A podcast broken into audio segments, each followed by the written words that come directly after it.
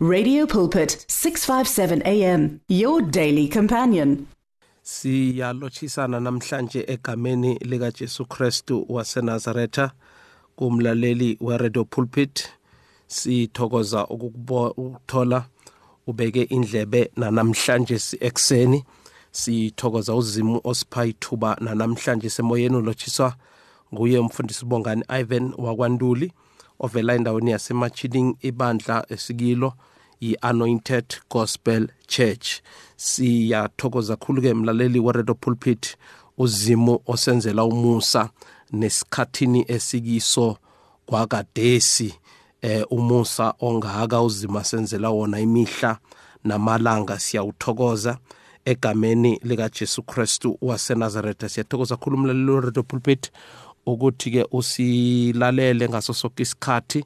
Eh ube nathi ngaso sonke isikhathi siyathokoza ngendlela erarileko siya ezwini lenkosi eh nanamhlanje sisizokuthola incwadi eh yakaLuka ngokukaLuka Luke chapter 7 sifunda kusuka kuverse number 36 siyogcina kuverse number 50 mavesi amanenganyana esizowafunda namhlanje simlaleli weredo pulpit eh but siyakholwa ukuthi ke inkosi inathi ngaso sonke isikhathi uzimu usenzela umusa ngaso sonke isikhathi.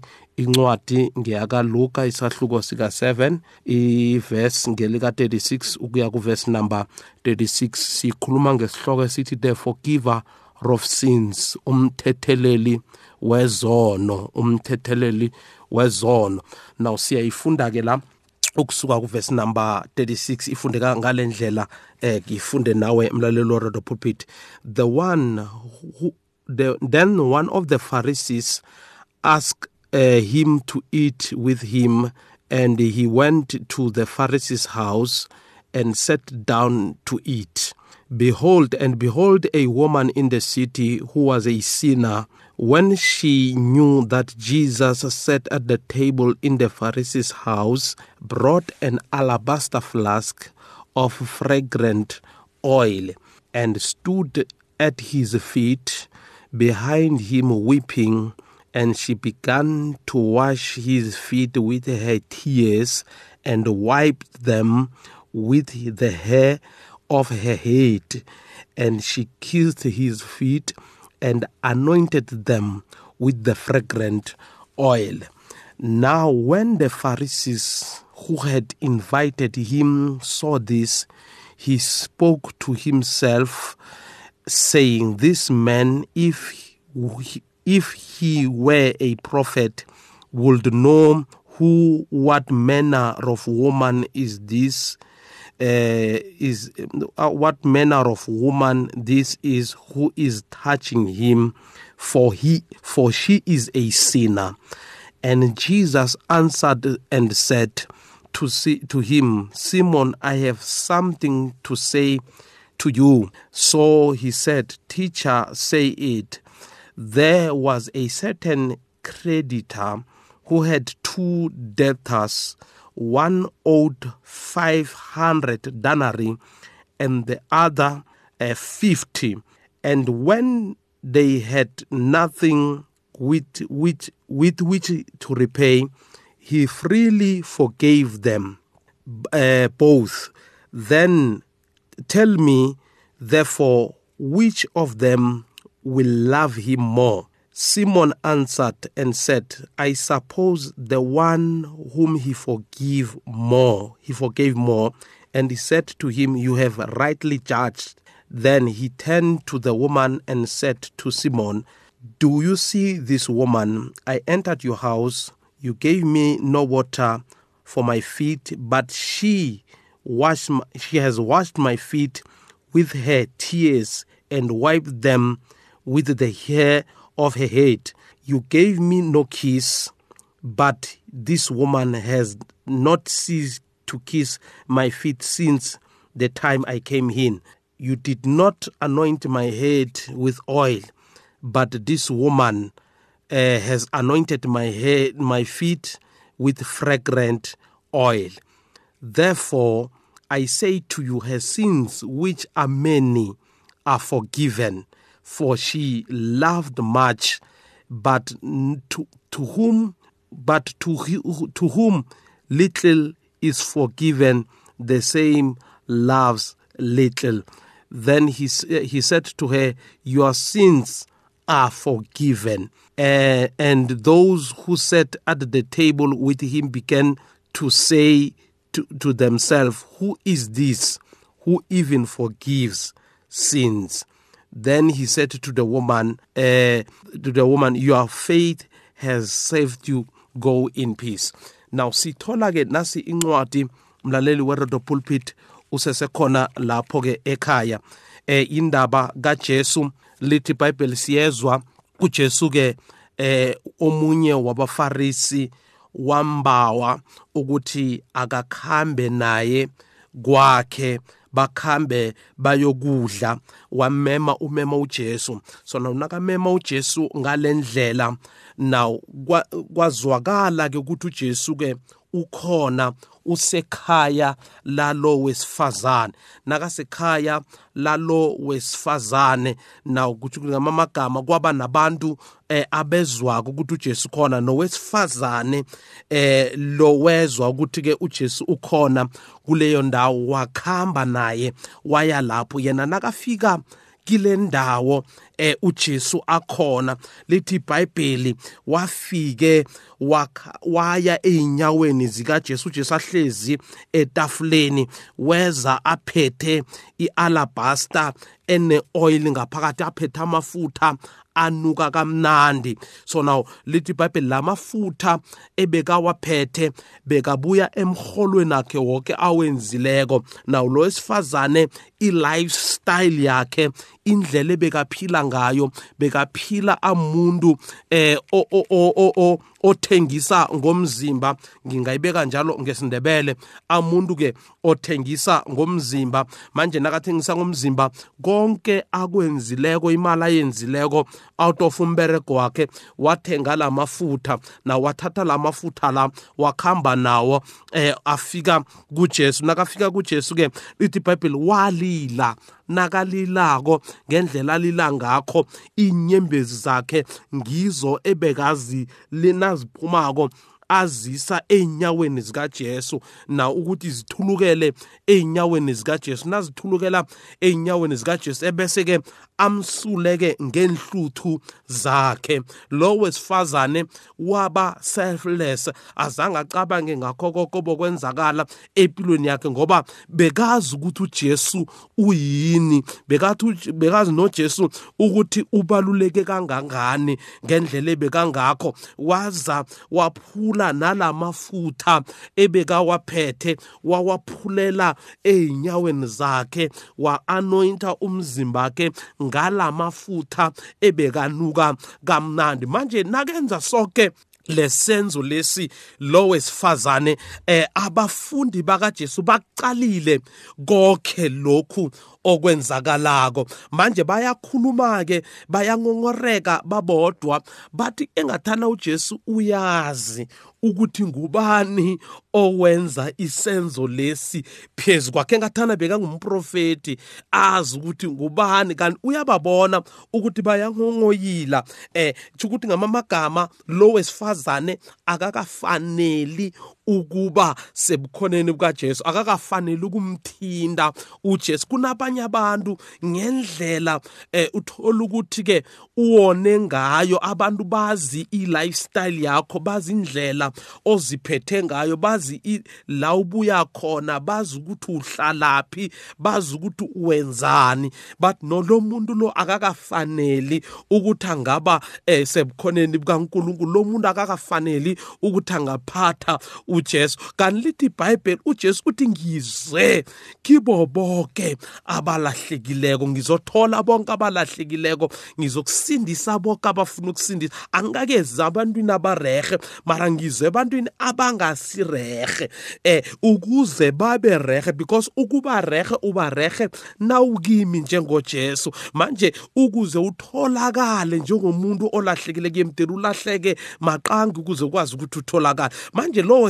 wesifazane wenza lesi senzo usenza kuJesu because of ihliziyo wakhe ngendlela angakho ubungaphakathi ngendlela afuna ngakho ukuthi yemdela lunge uthi no nangumuntu ongangilungisa I don't mind ukwenza isenzo esithize. Angisazicala ukuthi ngiba or nginjani ngibuyaphi but nakufanele kube nento ekufanele ngiyenze ukuze ngibe right at the end of the day. Now izono zami zilitshalelwe. Ngubani umuntu olibalela izono? nguJesu Kristu indodana kaNkuluNkulu ophezulu kwakho konke. Manje lo wesifazane uya kuJesu nje ngoba uyazi ukuthi kunemthwalo ayitheleko. Angafika kuJesu imthwala khele isuseke. Manje kunabantu esithi nasiya kuJesu sifuna ukuyohelebheka kunabantu abafuna ukuthi yemdele